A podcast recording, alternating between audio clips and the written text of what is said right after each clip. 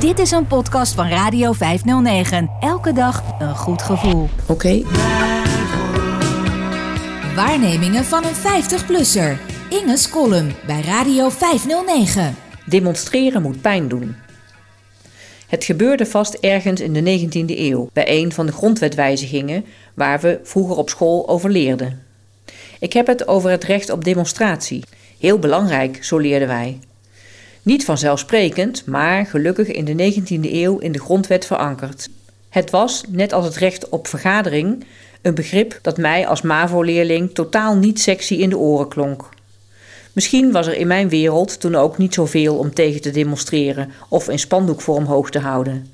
Nou ja, de kruisraketten natuurlijk. Daar maakten velen zich druk om. Maar ik mocht van mijn ouders niet naar de grote demonstraties in Amsterdam en Den Haag, waar iedereen achteraf gezien bij was.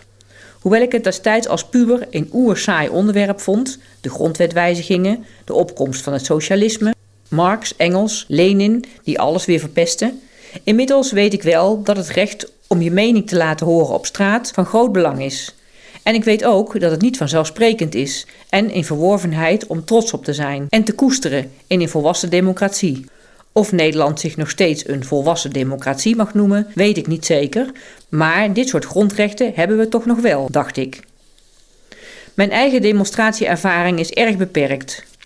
Ik heb wel eens wat kouwelijk op de dam en omgeving rondgelopen en het lied met de onnavolgbare tekst Deetman is een kaassoufflé gezongen. Dat was vanwege een bezuiniging op iets voor studenten. Daar waren wij natuurlijk tegen. Maar als ik eerlijk ben, heb ik nooit zin om mijn zaterdag op te offeren om naar Den Haag af te reizen en een paar uur te gaan scanderen op het Malieveld. Ik heb grote bewondering voor mensen die dat wel doen. Zeker als ze het wat creatiever aanpakken en het om een belangrijke zaak gaat. Het was dan ook schokkend om te lezen dat het Openbaar Ministerie op voorhand mensen oppakte die op de A12 bij Den Haag wilden demonstreren tegen bedrijven die winst blijven maken met fossiele brandstoffen. Voor zoiets urgents als het klimaat mag je wat mij betreft best een snelweg blokkeren. Dat moet zelfs, want anders trekt het geen aandacht. En hoe gevaarlijk is zoiets nou helemaal als iedereen ver van tevoren op de hoogte is?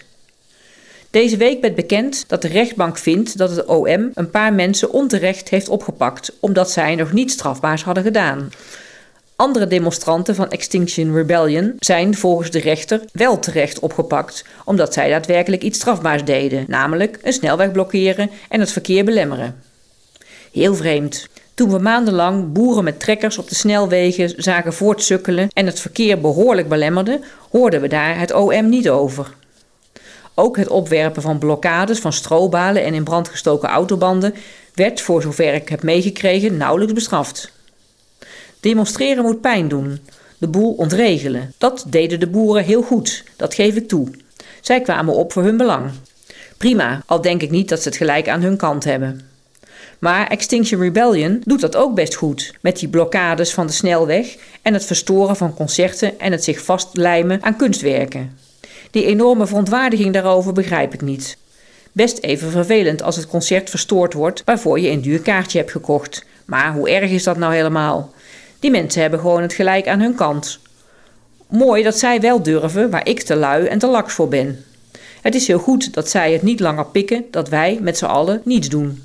Duidelijk is in ieder geval dat het blokkeren van het verkeer op bij voorkeur een snelweg in dit land als zeer schokkend en ontregelend wordt ervaren.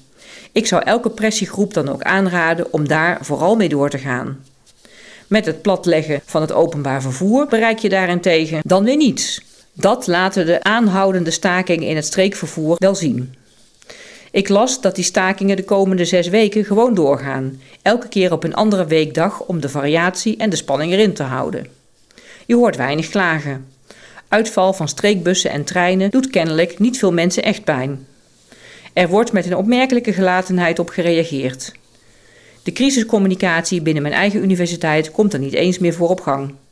Ach nee, men neemt de fiets, werkt of leert thuis via Teams of stapt in de auto om lekker in de file te gaan staan. Buschauffeurs kunnen beter in kolonnes stapvoets over de snelweg naar Den Haag oprukken. Dat is lekker ontwrichtend en ongetwijfeld effectief. Radio. Radio 509. Radio 509.